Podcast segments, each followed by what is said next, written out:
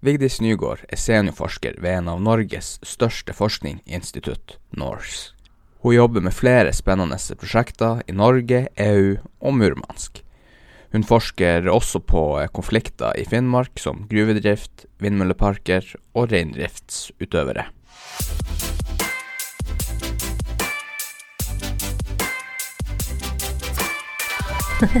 Ja, velkommen hit. Tusen takk, Magnus. Det er første gang jeg har en forsker på podkasten, så det er spennende. Ja, det var jammen på tide. Ja, ja, det var det. Hvordan har du drømt om å bli forsker fra du var liten? Uh, nei Hva var det Kan vel ikke si det. Det bare skjedde underveis. Ja. Ja, for uh, hvordan, eh, hvordan gikk det seg til, egentlig? Uh, ja, det har jo bakgrunn med utdannelsen min. Jeg er statsviter og fra Oslo, Universitetet i Oslo. Og da er man jo interessert i politikk.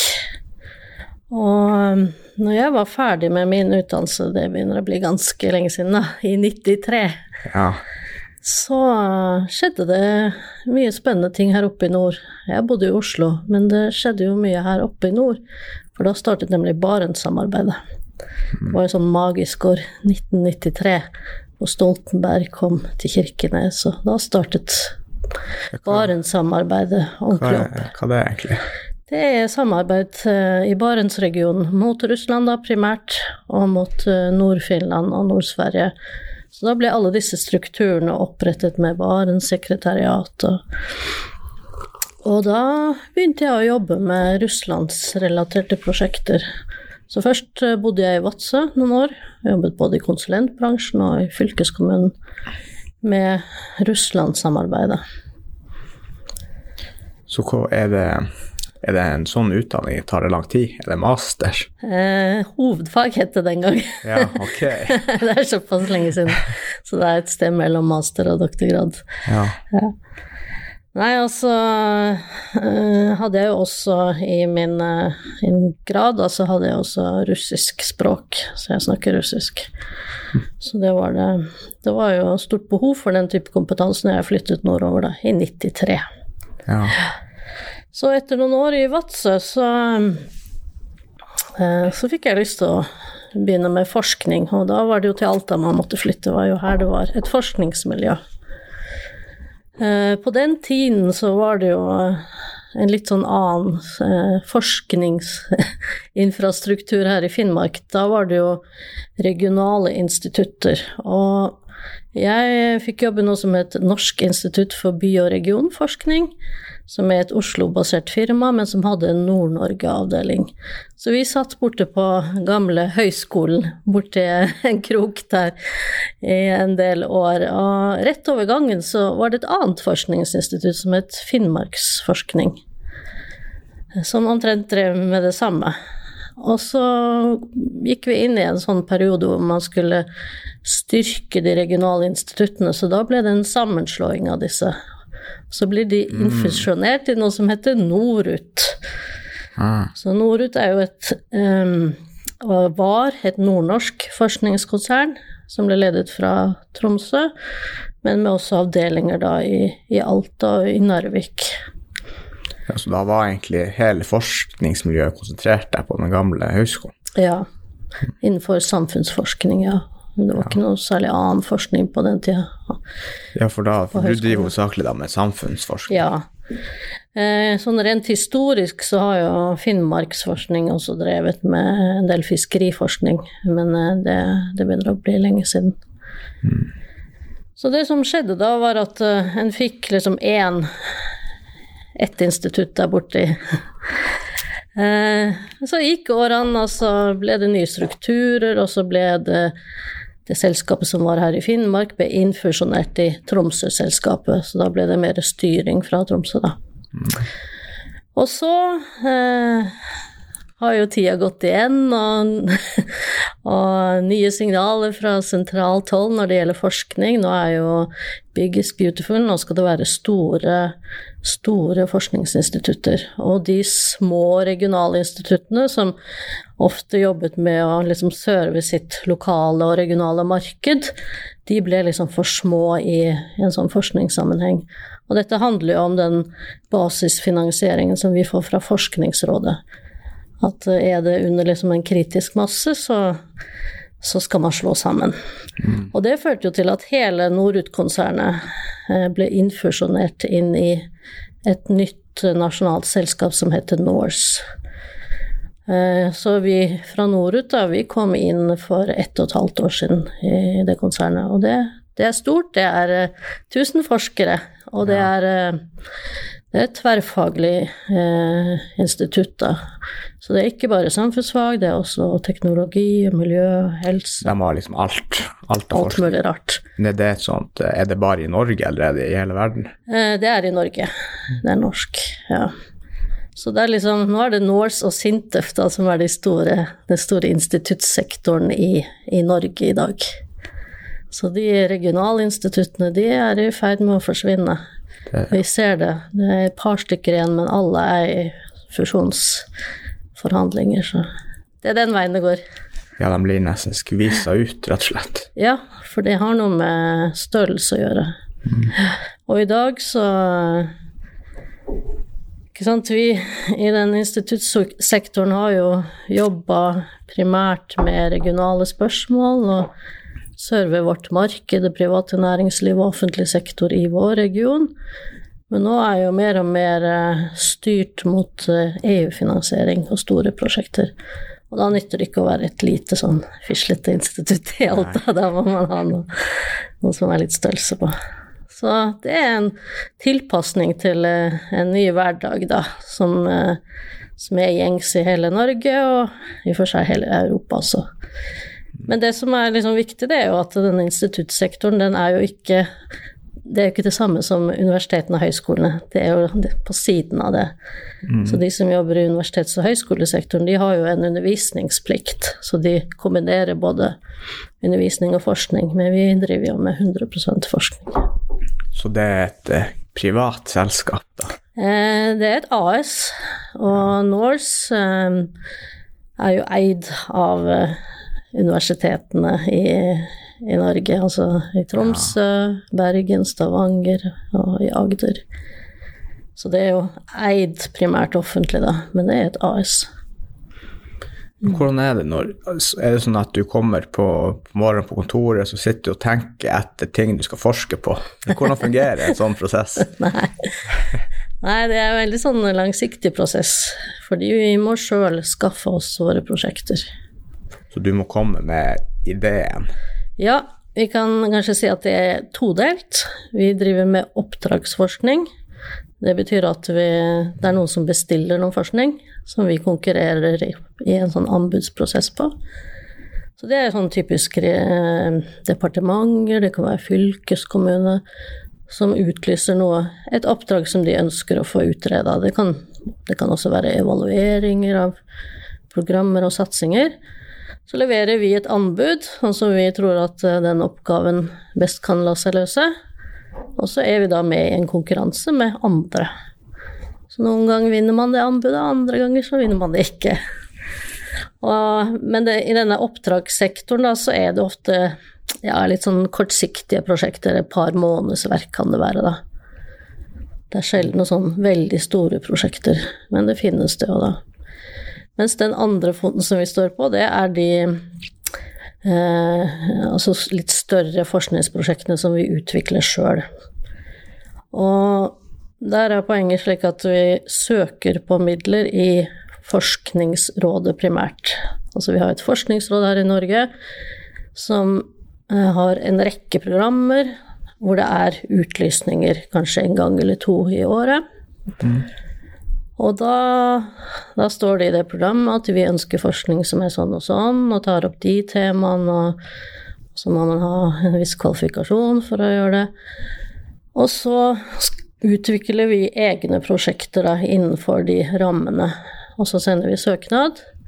Og så går det minst et halvt år før vi får et svar. Det er såpass, ja. og, og, det er veldig sterk konkurranse. Er, I Forskningsrådet er det vel sånn i snitt ja, mellom 10 og 15% som får sine prosjekter finansiert. Så det betyr at vi skriver ganske mange søknader som aldri blir finansiert, da. Ja. Så sånn er den hverdagen. Ja, det... Men nå er det jo Det er jo Forskningsrådet som er den hovedfinansiøren, da, men vi har også noen andre eh, kilder. Vi har et regionalt forskningsfond her i nord. Det heter RFF Nord. Og det, det er også midler fra Forskningsrådet, men de går via fylkeskommunen. Og RFF Nord så skal man liksom dekke problemstillinger som er aktuelt for Nord-Norge, da. Så vi har fått en del eh, prosjekter finansiert gjennom det det fondet, da. Og det, ja, det kan være et par millioners prosjekt. Og den siste sånn store og viktige finansieringskilden av sånne større prosjekter, det er jo EU. Mm. Der er store midler, og det har jo vært Horisont 2020 har jo gått nå i sikkert ti år. Men det, det er et prosjekt? Det er et stort EU-fond som ja. lyser ut masse penger med, med ulike vinklinger. Og da er det liksom å eh, Det heter et call. Nå er det en call f.eks. mot eh, næringsutvikling og det grønne skiftet.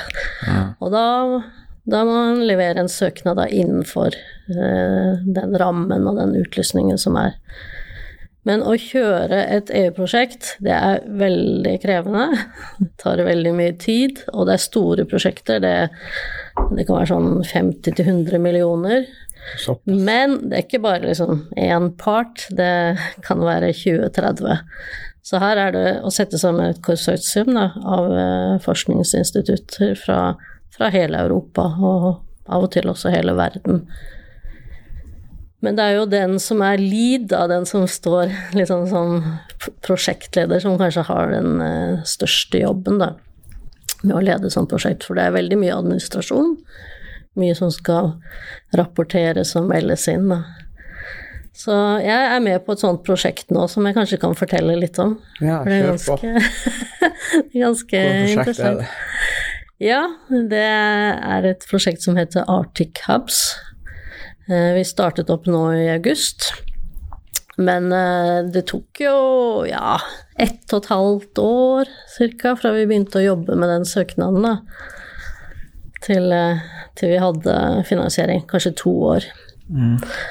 Og vi ble invitert av en finsk samarbeidspart som vi hadde jobbet sammen med før. Og vi lyste vi, Altså dette konsortiet, vi sendte da en søknad om det som er en uh, viktig problemstilling her i nord, og det som vi kaller Arktis, da, eller som Europa kaller arktisk, Arktis. Og det er at vi har masse arealer her, men det er mange europeiske aktører som er interessert i å utnytte de arealene som vi har her i nord. Så det er en slags sånn kamp om arealene, om å utnytte arealene til industriutbygging f.eks. Og det er mange ulike næringer som eh, ønsker å investere i våre nordområder. Eh, men dette har jo effekter på, på, oss som bor her, og på annet næringsliv som allerede er Så selv om det er mye arealer her, så er det ikke sånn at det er masse ledige arealer. Og, og, det har vi jo eksempler på her i Finnmark òg, at uh, det foregår jo ganske mye nå innenfor gruvesektoren, og også eh, vind. Bygging av vindmøller. Det er jo ikke så at det er masse ledig areal for dette her, for det er jo andre som bruker det arealet i dag, annet reindrifta. Ja. Så i dette prosjektet her så er det valgt ut uh, hubs, altså du kan si at det er sånne lokalsamfunn i Arktis, i de ulike landene her, hvor det foregår industriaktiviteter. Og i det prosjektet her så ser vi på uh, fem forskjellige næringer. Det er gruvedrift, det er turisme, oppdrettsnæring, skogdrift og reindrift. Så det er hvordan disse fem næringene utvikler seg i vår region, og i noen eh, lokalområder, altså hubs, så er det også konflikt mellom disse, disse næringene, at de kjemper om de samme arealene. Så i det prosjektet her så har jeg blitt en koordinator for det som heter mining hubs, altså de gruvelokalsamfunnene som er med i dette prosjektet. Og det er, det er vel åtte eller ni gruvesamfunn da, både i Russland, Finland, Sverige, Norge Ja. som, som er valgt ut da som hubs. Så her i Norge så er det det er Sør-Varanger, altså den gruva som per nå Ja, ligger brakk i Kirkenes. Ja. Syd-Varanger. Og så er det den planlagte gruva i Nusser i Kvalsund. Og så ser vi også på Svalbard, som er i ferd med å fase ut gruvedrift. Ja. Har de tømt alle Ja, det er ennå drift der, og det vil nok være drift en stund ennå, fordi eh, lokalbefolkningen er avhengig, avhengig av energien. Ja, er det kull de Kull, det er kull. Ja. Men kull er jo ikke så veldig verken miljøvennlig populært i disse dager, så ja. det skal jo avvikles på sikt så snart det finnes alternative energikilder der. Ja, det blir dårlig med solcellepanel der i hvert fall. Ja, jeg skal ikke si det. Det, vir- det virker også inne. Ja. Selv i mørket, ja. Så dette er et ganske stort prosjekt, og Altså, mitt institutt uh, har seks millioner på det prosjektet. Det skal vi jobbe med i, i fire år. Så det er et ganske stort prosjekt og mye penger. ja. Mhm. Det er, er, hvor mye skriving er det egentlig? Er det ikke det bare skriving på denne prosjekta? Ja, skriving, ja. Det er veldig mye å samle data. Alt fra statistiske data om næringene, og også lokalsamfunn, befolkningsutvikling og arbeidsmarked og sånn. Og så er det å gjøre intervjuer, både med industriaktører og lokalbefolkningen som, som bor i disse stedene. Og så er det å sammenstille det i rapporter og artikler. Men så er det også å formidle denne kunnskapen tilbake til lokalsamfunnene. Eh, Så det blir jo viktig både å samle inn eh, kunnskap og holdninger og, som lokalbefolkningen har, men det er også viktig å melde tilbake til, til dem hva vi finner ut i dette prosjektet. Så det blir litt reising, da. Det blir det jo, etter hvert. Nå blir det mest skrivebordsarbeid nå, nå med korona. Men det har jo Vi har jo holdt på nå ja, siden august, og det har jo vært eh, flere ukentlige sånne Teams-møter da, med hele bøtteballetten og 40-50 forskere som er med på samtidig, så Ja, det er mye koordinering, da. ja det kan jeg tro. Det blir litt kaos, nesten. Ja, men eh, vi, må, vi skal jo også bli kjent.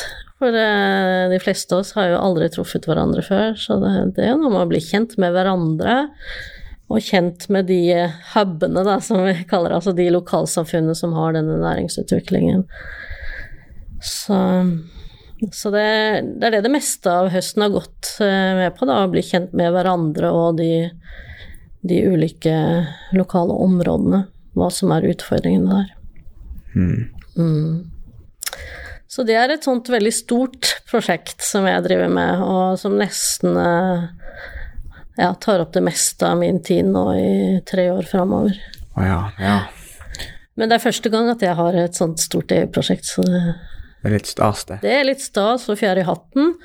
Og, og så er det veldig Det er en litt sånn annen måte å jobbe på i forhold til oppdragsprosjekter, da, som ofte er kortsiktige, og du må jobbe veldig mye for, for lite penger, da. Men her kan man liksom slappe litt mer av og tenke litt mer langsiktige tanker. Behøver ikke å springe etter pengene hele tiden. Ja, det blir ikke det der jaget. Faktisk konsentrere seg litt om det Ja. man gjør. så man får en litt annen ro, da, til å holde på med én ting. For en vanlig sånn hverdag for en forsker er jo å hoppe rundt fra Ja, det er jo vanlig å ha kanskje fem-seks prosjekter som går parallelt. Så man må liksom tenke når passer det å, å få gjort de intervjuene der og skrevet ut rapporten der. Så det er en sånn hverdag som er ganske sånn oppstykka, da. Og derfor så er det veldig deilig å ha et litt sånn stort og langsiktig prosjekt. Men da er det ikke lenge til du må begynne å søke på nye midler, siden det er så lang søketid? Ja, sånn er det jo. Og, og, nå er det sånn at vi sitter jo nå i disse dager og venter på resultatet fra uh, søknader vi skrev uh, i, i, mai og i august. Uh, så faktisk Jeg venter på å svare på én søknad i morgen fra da. Og i neste uke Eh, så får vi svar på tre søknader som jeg har vært med på eh, å søke i Forskningsrådet. Så det kommer på mandag. Mm. Men da hvis alle tre blir godkjent, mm. blir det for mye arbeid da? Ja, for meg personlig blir det ja. så da må jeg nok få inn noen andre deler på det. For det er jo sånn, når man søker på et prosjekt, så er det ikke én person, det er eh, et team. Ja. Mm. Og ja, da er det noen andre som får noen flere timer, og så kan jeg kanskje bare ha en sånn veiledende rolle. Men eh, alle tre prosjektene blir nok ikke finansiert. Men hvis ett går inn, så er vel det sånn statistisk, det ja. som man kan forvente. Men det er jo viktig at det, mine kolleger også har, har arbeid å gjøre, da. At de har fylt opp sin tid. Så det er jo hele tiden sånn at en tenker jo ikke bare på sin egen at en skal ha oppdekning og ha nok timer, men uh, man må også tenke på sine kolleger og hjelpe dem til å, å ha noe å gjøre også. Ja, du blir jo som en daglig leder da, egentlig. Ja, hvis en er prosjektleder, så er det jo det. Eh, jeg er jo prosjektleder på en del prosjekter, og da, da, da veileder jeg jo de andre som, som jobber på det prosjektet, da. Mm. Mens i andre prosjekter så er det jeg som er en sånne slavearbeidere. ja. Det er fint at man bytter litt på rollene. Mm. Men uh, dere har, har, ikke dere vært uh, veldig lenge her nå i Kunnskapsparken? Var dere her ja, helt fra begynnelsen, ja. Mm. ja. Så når dette bygget ble bygget, da, så vi var jo Vi var jo med i planleggingsfasen og ja, var jo med på tegning og få innredet kontorene og fikk det liksom akkurat sånn som vi ville, da. Mm. Så, men den gang var jo vi et stort institutt, og vi var vel en ja, 15-16 ansatte den gang. Nå er vi to-tre, så ja. Er det pga. at oppdragsmengden har gått ned, eller har det ja. kontorene bare flytta en annen plass? Ja, ja, begge deler. Altså, mye har skjedd i den eh, oppdragsbransjen, da. Det er ikke lenger så stor etterspørsel etter eh, forskningskunnskap eh, lokalt og regionalt. Eh, før så kunne vi ha oppdrag for kommuner og hadde veldig mye for fylkeskommuner, men nå er det veldig lite sånn frie penger til å bruke på forskning. Så det er et helt annet marked. Og så må vi også kunne si at eh, konsulentbransjen har spist seg mye inn i forskningsbransjen òg. Så det er ikke så Det er ikke lenger så Det er ikke en sånn tette skott mellom hva som er forskning og hva som er konsulentoppdrag. Det går litt, litt sånn i hverandre, da. Mm.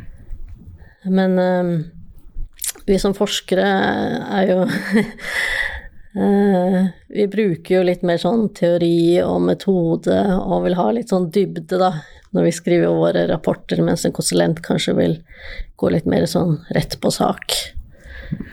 Men det er klart at uh, en må jo utvikle det produktet som oppdragsgiveren ønsker, det. Så noen ganger så ønsker de uh, grundig forskning og gode referanser til datakilder og statistikk og sånn, mens andre ganger så er ikke det så viktig. Men opplever dere eh, Nå er det jo sikkert mesteparten av oppdragene kommer vel fra statlige organer? Ja. Øh, ja, det meste, men også privat. Altså i den Norut-perioden, da, eh, så har jo forskerne her i Alta hatt store oppdrag fra, fra oljebransjen. Mm. Fra og Norut har jo drevet med følgeforskning av både Snøhvit og Goliat-utbyggingen utenfor Hammerfest. Og det har vært svære prosjekter som har gått over ti år. Eh, så det er jo det er private oppdragsgivere. Ja, er det for å kartlegge, liksom? Ja, altså det ligger i konsesjonsvilkårene til eh, oljeselskapene at de skal eh, kartlegge effekter av petroleumsaktiviteter på lokalsamfunnet, og her har det jo primært vært Hammerfest. Både å se hvordan eh, lokalt næringsliv har klart å, å dra nytte av eh, petroleumsutviklingen, det med å være leverandører til, eh, til petroleumsindustrien. Så det har jo vært en kartlegging av bedrifter, ikke sant. Og ikke bare de som var der før det begynte, men det har jo også oppstått en rekke nye bedrifter, og det har vært bedrifter fra, ja, fra utlandet og sørfra som har etablert seg med avdelingskontor der. Så det er jo ja, å se på hvilken effekt det har hatt i næringslivet. Og så har vi også sett på hvilke effekter det har på lokalsamfunnet. På arbeidsmarkedet, på sosiale forhold, kommunens økonomi, ikke minst, som eh, Altså eiendomsskatten ruller jo inn, som har gjort Ja. det mulig å bygge kulturhus og nye skoler. Så å dokumentere de, eh, de effektene er veldig viktig. Det er viktig for selskapet, eh, fordi at eh, hvis noe ikke går helt sånn som planlagt, eller utviklingen går i litt feil retning, så kan man justere kursen. Så, så det har vært et veldig stort oppdrag over mange år. Men nå er det slutt. Men hvor avhengig tror du Hammerfest Eller du vet jo kanskje hvor avhengig Hammerfest er av Melkøya, da? Ja, i dag er det helt, helt avhengig. Det var jo et fiskerisamfunn med en stor fiskeindustri som var i ferd med å gå helt dunken. Og, så Hammerfest var jo veldig langt nede på det tidspunktet hvor eh, oljealderen nådde byen. Da. Så det har jo endret et samfunnet totalt. Da er de jo også veldig avhengige av at det Ja forblir der. Ja, altså olje blir nok ikke slutt på olje og gass med det første, men eh, Men eh, ja. Det grønne skiftet ligger jo der, og det er jo et krav om eh, Ja, så for ja, for Hammerfest så er kanskje det der med karbonfangst er jo viktig. For uh, melkeanlegget slipper jo ut enorme mengder med, med CO2.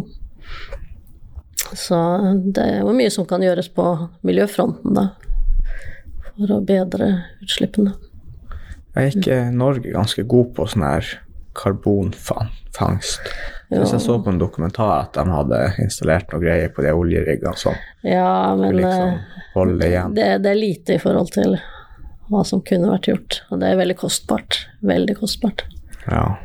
Så uten statlig støtte, så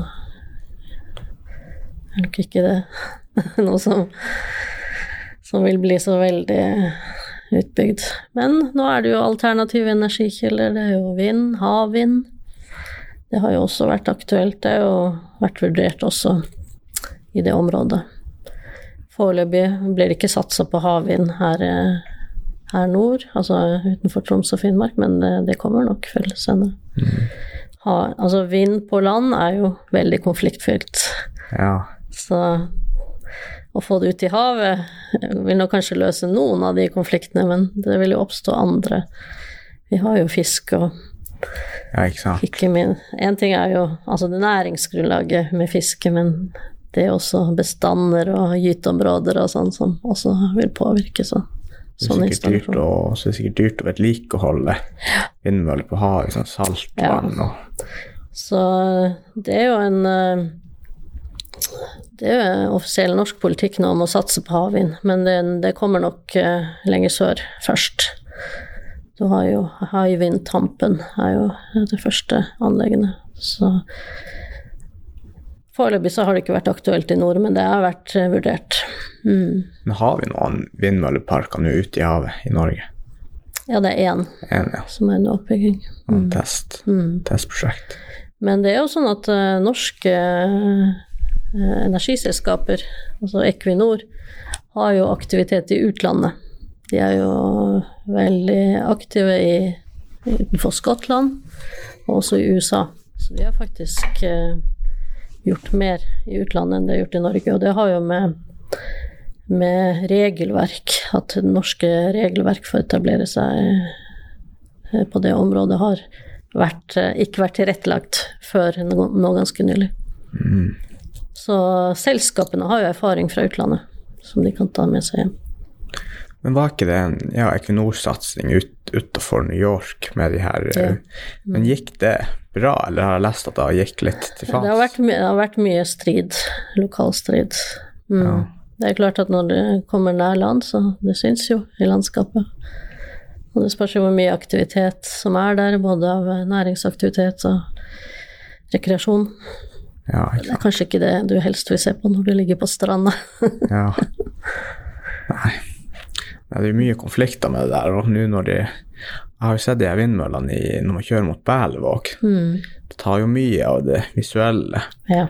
Men jeg tenker meg personlig, det er jo det er jo på en måte gratis energi. Så det er jo en, et bedre alternativ enn olje, bare at nå ser vi det, og da derfor hater vi det. ja, altså det er jo ren energi. Den Ja. er fornybar. Så det, det er jo absolutt bedre, men det er jo Ja, det er ikke pent å se på, det er nå én ting. Og så Skulle egentlig bare ha det i, ned i havet, under havoverflaten. Så hadde jeg strømmer. Ja, bølgekraft, ja. Ja, Ja, det har jo også vært forsøkt. Mm. Ja, det blir voldsomt med vedlikehold og Nei, det skjer veldig mye på energifronten, da. Det er klart at eh, fossilt brensel, det, det er på tur ut. Så alt, alt annet, vind og sol og sånn, det er det som er framtida. det som er hipt. Ja. Hvordan har ikke du også jobba ganske mye mot sånn samisk entreprenørskap? Jeg har jobbet med samiske temaer egentlig hele tiden. Um, og det er jo sånn når man er forsker i, i Finnmark, så det samiske er jo veldig, veldig viktig å kunne noe om, da. I all samfunnsutvikling. Så jeg har liksom fulgt det samiske gjennom hele min karriere, da. Jeg husker noe av det første oppdraget jeg hadde her, det var um, på 90-tallet hadde du noe som het Omstillingsprogrammet for Indre Finnmark, hvor staten gikk inn med ganske mye penger for å få reindriftsutøvere til å frivillig, frivillig eh, slutte med reindrift. Ja, Fordi at det var liksom en overproduksjon av rein for mange i reindrifta, da. Og, og ble betalt da for å omskolere seg. Og da, det var jo et veldig stort eh, og omstridt program på den tiden. Og det var vel ikke så veldig vellykket. Fordi det hadde veldig store sosiale konsekvenser å, å ta en reindriftsutøver som hadde hele sitt liv og hele sin sitt, eh, sitt livsgrunnlag på vidda og skulle plassere på skolebenken. Så det var mange tragiske skjebner der med ja, folk som ble tvunget ut av reindrifta, og som ikke klarte å, å takle noe annet liv, da, eller ha en annen type jobb, og endte opp i arbeidsledighetskøen. Så, så det var et program, et statlig styrt program som eh, hadde store konsekvenser. Og det var jeg med å evaluere, og det, det var ganske Ja, det var mitt sånn første møte med det samiske samfunnet. Jeg syns det var ganske sånn trasig å se Se hvordan den statlige tvangen da fikk sånne konsekvenser. Så etter det så har jeg vært veldig interessert i å følge det samiske samfunnet, og har jobbet mye med, med næringsutvikling og jobbet mye eh, for Sametinget. Sametinget har jo en del virkemidler og programmer som de trenger å få evaluert.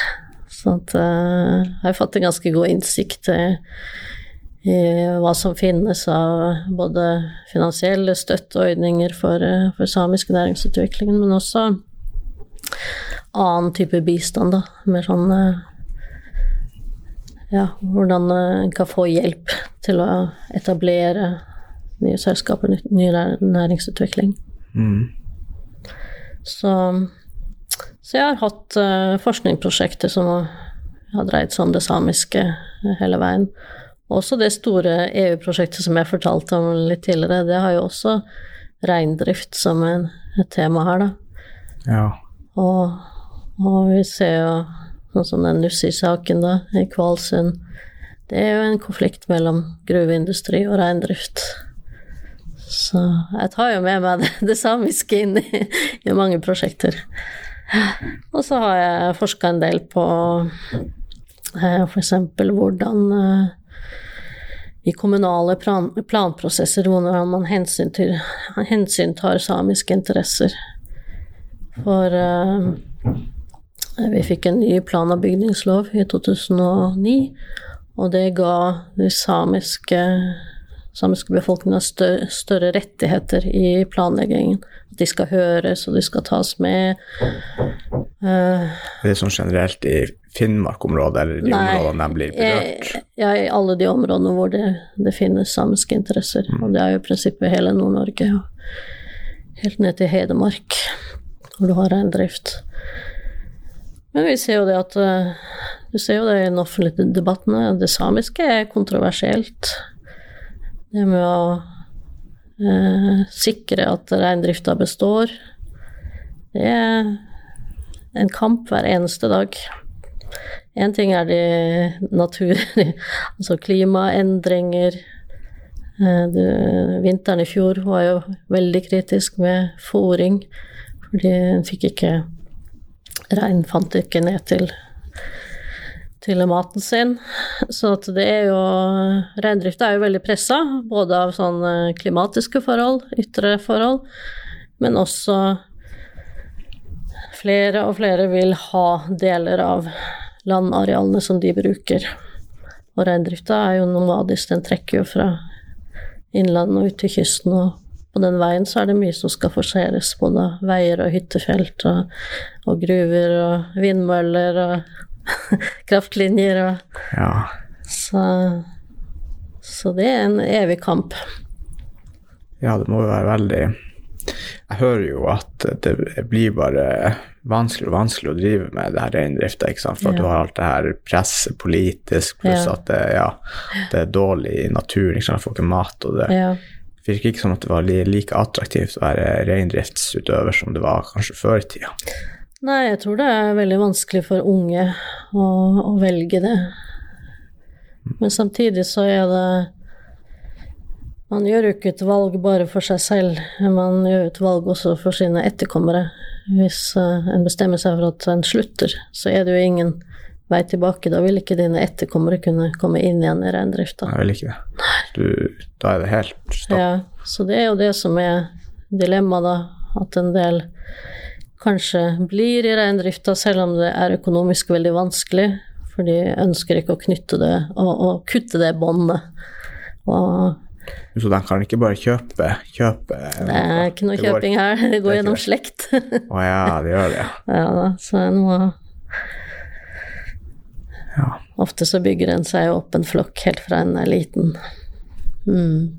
Jeg var jo for en kunde og filma på et reingjerde, og det, det Jeg tror det er en veldig fin måte å leve på, egentlig, for det er veldig sånn primitivt, men det er liksom der vi mm, hører hjemme på en mm. måte. Det er der vi kommer ifra. Og derfor uh, tror jeg det liksom, Du har eh, litt mindre bekymringer, eller du har selvfølgelig bekymringer, men du kan leve litt friere, rett og slett. Du har ikke alt det her samfunnet som presser deg ned overalt. Nå ser vi i senere tid at det kommer inn, men det er veldig mm. Jeg tror det er veldig givende å være ute i naturen hele tida og liksom ja, det er klart hvis en er glad i det, så er det jo et veldig fritt liv, men du mm. styres jo av regn og ikke av klokka. Og det er det at når du er på fjellet, så er du på fjellet, og da er du en boble, så mm. Men det er jo det at reindrifta er så viktig for å bevare den samiske kulturen og språket. Det er jo der en bruker språket, det er der en utvikler språket, og terminologien. Det, det er veldig viktig for å overføre kultur fra en generasjon til en annen. Derfor så er reindrift mye mer enn bare den næringen og den kjøttproduksjonen. Det, det, det har med å bevare en hel kultur og et språk å gjøre. Vet du hvor mange, vet du hvor mange reindriftsutøvere det er nå i dag? Uh, det er vanskelig å svare på fordi at det, det er noen som driver på fulltid, og så er det noen som driver bare på si. Men jeg tror det er ca. 3000 fulltids reindriftsutøvere i Norge. Mm. Det var mye mer enn jeg hadde tenkt meg. Men det er jo mange som har eh, Som eier rein og har andeler altså i familien, da, men som kanskje har annen jobb som hoved, hovednæring, men som hjelper til da i sesongen. Det er jo ofte sånn at under flytting så bistår hele familien. Ja. Nei, så jeg syns det er viktig som forsker også at eh, at en forsker på sånne tema. Har du noe med de her eh, Hva de heter de? Begynner med noe Odo. Var sånn her eh, næringslivs... eh, det er en sånn her, akkurat som Alta næringslivsforening, bare i Kautokeino, kanskje. Ja, det er omstillingsorganisasjonen, omstillingsprogrammet. Altså Kautokeino kommune har jo omstillingsstatus. Hva det vel si? Ja, eh, det har jo en lang historie. Eh, Det dreier seg jo om kommuner som sliter eh, primært da med, med næringer som går dårlig, f.eks. Det kan være en viktig hjørnesteinsbedrift som legger ned eller reduserer. Eh, Så vi har jo god erfaring med det i Finnmark, kommuner som har vært i kriser og har da fått omstillingsstatus. Så sånn opp gjennom tidene så har eh, noen omstillinger har vært statlige omstillinger, sånn som når Sydvaranger gruve ble lagt ned i 96 f.eks. Det var jo statseid foretak. Eh, Så kom det masse statlige midler inn for å etablere en ny næringsutvikling. Eh, I de senere år så har det, mm, det meste av eh, eh, omstillingsmidlene gått via fylkeskommunen, og det har ikke vært de store midlene, da.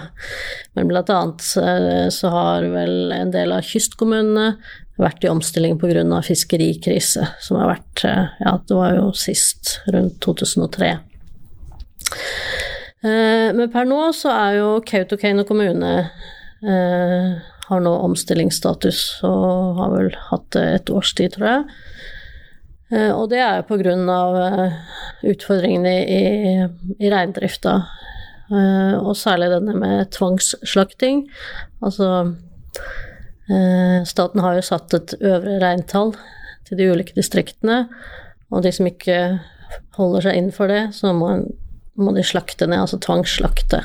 Eh, Så det betyr jo at livsgrunnlaget for en del reindriftssamer har jo blitt eh, kraftig redusert. Når du har mindre rein, så har du jo også mindre å slakte og avle videre på, da. Eh, Og samtidig så har du jo også, sånn som i fjor, så var det jo denne krisevinteren også. Eh, Så Kautokeino har fått omstillingsstatus, og da er det opprettet en sånn omstillingsorganisasjon. Du kan si det er en kommunal eh, ja, virksomhet som skal bistå da næringslivet. Og, og da har jo de noen millioner i et slags sånn næringsfond, kan du kalle det, da.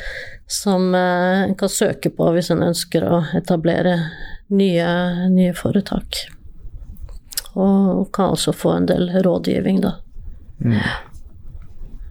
Så da eh, da går, det, da går det ikke så veldig bra økonomisk med Nei, altså reindrifta har vært i krise, og, og veldig mye av reindrifta i Finnmark eh, bor jo i, i Kautokeino, da.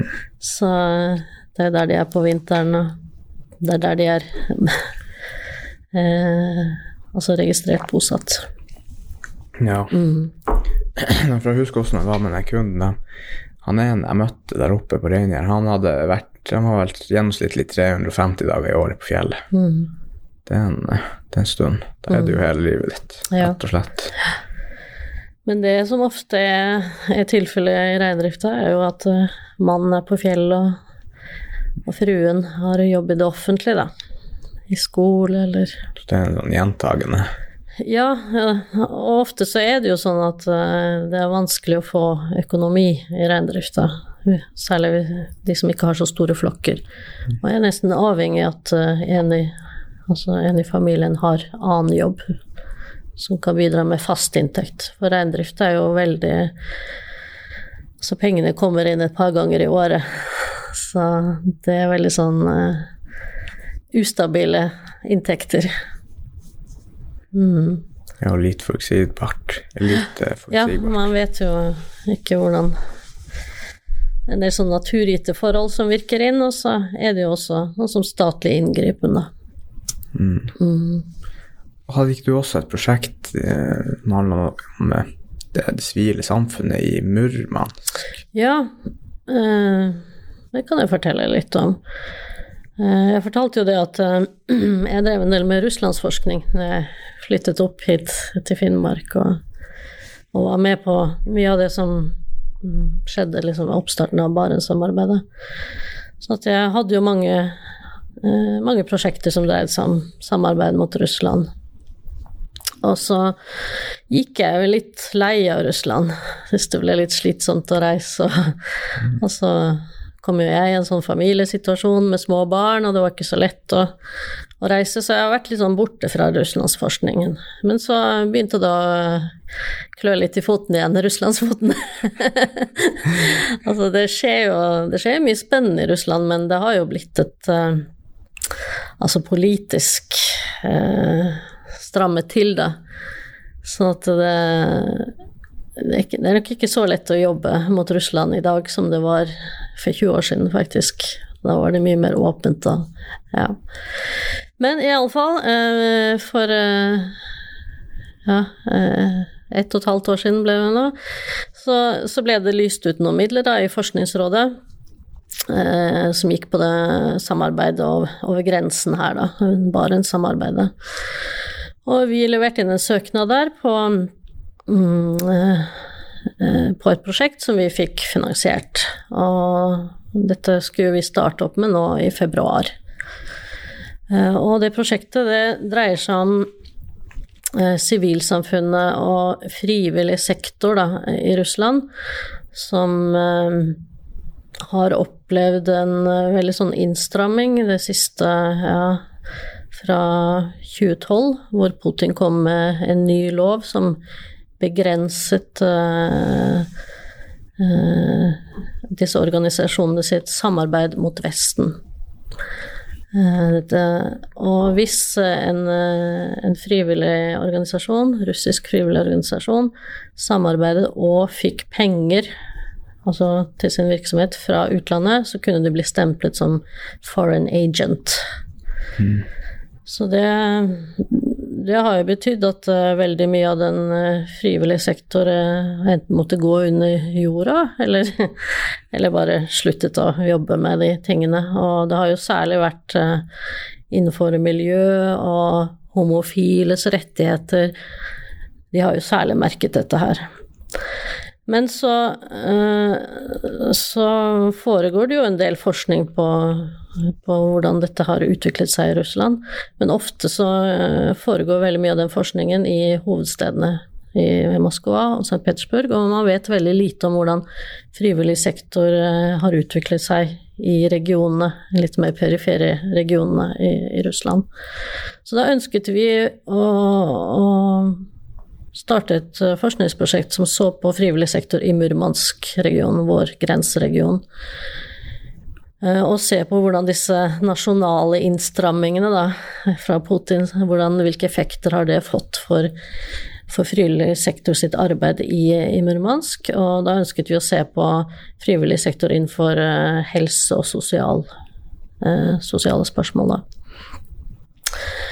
Uh, så både å se på hvordan dette har endret deres arbeidsvilkår i, i Murmansk-regionen, men også se på hvordan det har endret muligheten til å samarbeide over grensen mot Norge, da. For i dette Barentssamarbeidet så har det jo vært mange prosjekter og samarbeid mellom frivillig sektor på tvers av grensen, så vi ville forsøke å se på hvordan dette har, har endret seg med de nasjonale innstrammingene. Så vi var jo klar til å fære over til Murmansk i februar, hadde bestilt billett og alt, og så kom denne koronaen, da. Så vi har nå ennå ikke kommet oss dit, men heldigvis så har vi veldig gode russiske samarbeidspartnere. Noe som heter Kola Science Center, som holder til i Apatiti, som er den nest største byen på Kola. Som vi har samarbeidet med i over 20 år. Så det ble et litt annet prosjekt. Eh, nå har vi endret det. Istedenfor å se på eh, frivillig sektor og de innstrammingene sånn generelt, så ser vi nå på hvordan bidrar frivillig sektor inn i arbeidet mot bekjempelse av korona. Så vi måtte rett og slett endre fokuset litt. Helomvending. Ja, men vi er ganske fornøyd med at eh, ja, det var riktig å gjøre det på den måten, for det var det vi faktisk kunne få gjort noe på. Vi kunne ikke dra dit og gjøre intervjuer og Så nå sitter våre russiske samarbeidspartnere som har hatt en, eh, ja, en verre koronasituasjon enn det vi har hatt her i Finnmark, da. Og, og de sitter jo fremdeles på sine hjemmekontorer, får ikke lov å gå på jobb. Ja. Sånn at eh, det er begrensa hva de kan få utretta, men eh, de ringer nå litt og sånt til, de de får tak i, da. Så, så vi har eh, kommet et godt stykke. Vi har til og med klart å skrive to artikler basert på, på det arbeidet, så mm. Men vi håper jo virkelig at vi får kommet oss over og få gjort noe ordentlig på russisk side også. Ja. Mm. Det er nok mange som gleder seg til å reise litt igjen, ja. tenker meg. Mm. Komme seg litt ut igjen. Ja. Men uh, har du noe fritid? Ja da, det har jeg jo. Du bare forskning. ja da, jeg har uh, jeg syns jeg har uh, Men jeg har sånne faste aktiviteter, da, som, som tar en del tid.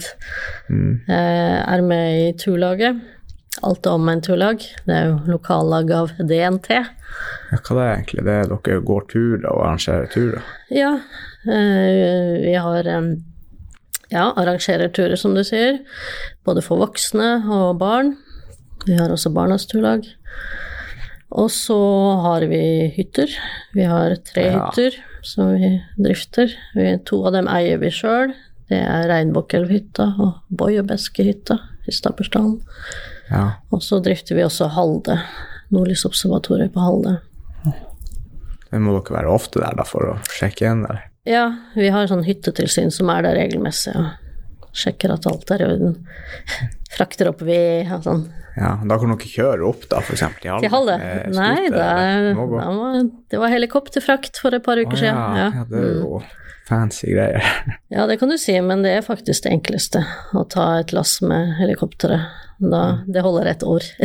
Å ja. ja. Det må være artig, det, da. Ja da. Og så har vi jo et stinett. Altså hvis du Du har sikkert vært ute på vidda, og så har du sett røde teer på noen steiner. det, det er litt usikker på. det er ikke så mange av dem her i Finnmark sammenlignet med sørpå, men vi har et stinett på over 400 km som skal vedlikeholdes. Ja, hvordan vedlikeholder dere det egentlig? Nei, det er en uh, veldig stor oppgave da, som man aldri er helt à jour på. Så en må liksom prioritere noen styr. Så i sommer så har vi prioritert en sti som går mellom Bojebeskehytta til Ravnastua. Og den har blitt merket i sommer. Vi ble ikke helt ferdig, men uh, hele den stien er på 46 km. Så den går tvers over vidda. Ja.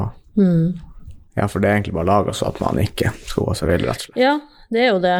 Fordi eh, ikke er det mye folk, og ikke er det så veldig mye å orientere seg sånn eh, Altså, det står jo ikke noe skilt eller noe annet slag. Så en må være litt god på kart og kompass, da. Men eh, det er jo alltid en trygghet når en har disse røde T-ene å gå etter. Og, og særlig hvis, det, hvis tåka kommer, så kan det faktisk være liv og død om en finner fram. Så, mm. Ja, det lengste jeg går på tur nå til dags, det er kanskje på Komsatoppen. Ja.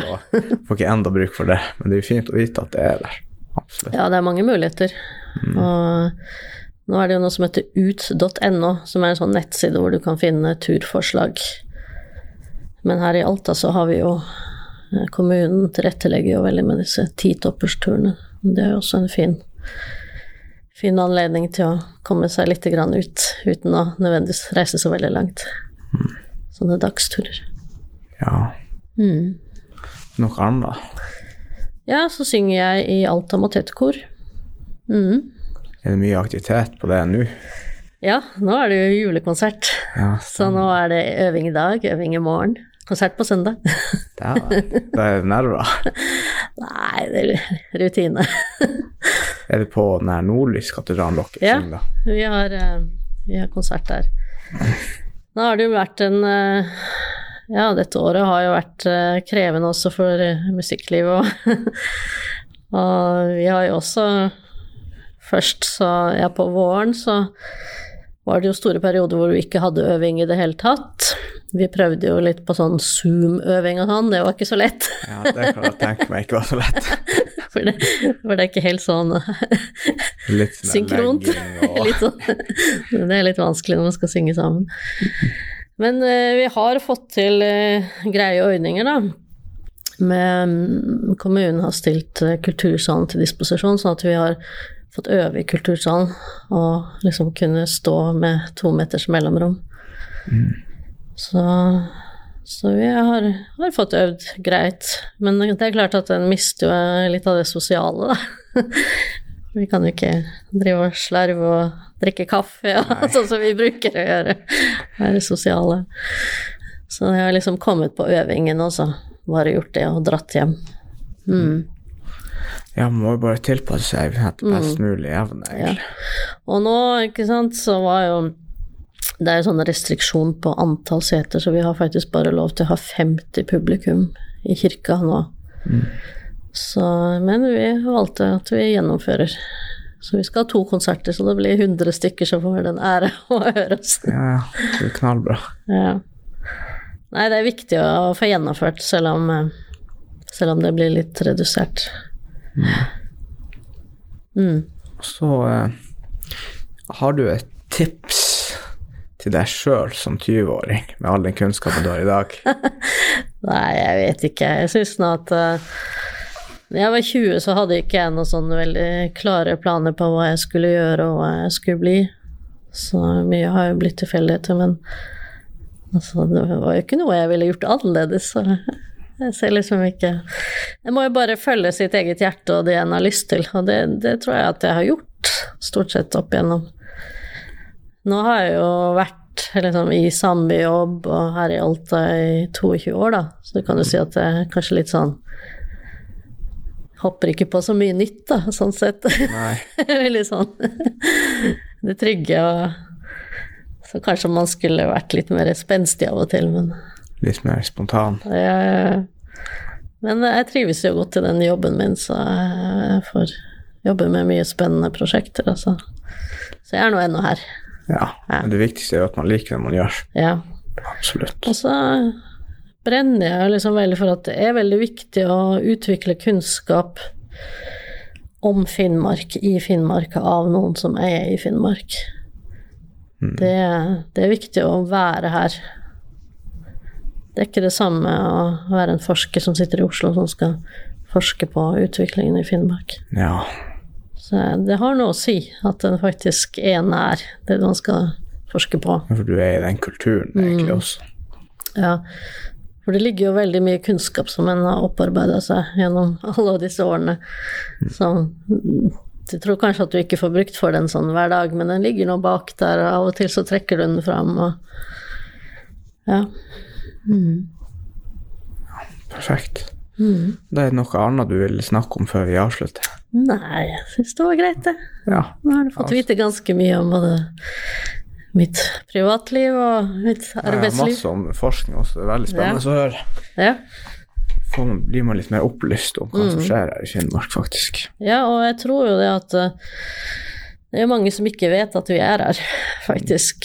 Og eh, det er klart at det var jo, vi var jo mye mer aktive når vi var 15 forskere her, men vi er nå fremdeles her noen, og vi jobber jo for, for Finnmark og utvikler kunnskap om Finnmark, så vi vil jo gjerne bli brukt. Mm. Og ved at vi får flere henvendelser og flere som vil bruke oss, så så kan vi kanskje også bygge opp et større miljø. Det er jo en fin oppfordring. Mm. Da vil jeg egentlig bare takke for at du tok deg tid og kom og snakke Mm. litt her. Tidlig på en tors fredag, torsdagsmorgen. Ja. Ja, Tusen takk til deg, ja. Takk for invitasjonen. Ingen problem.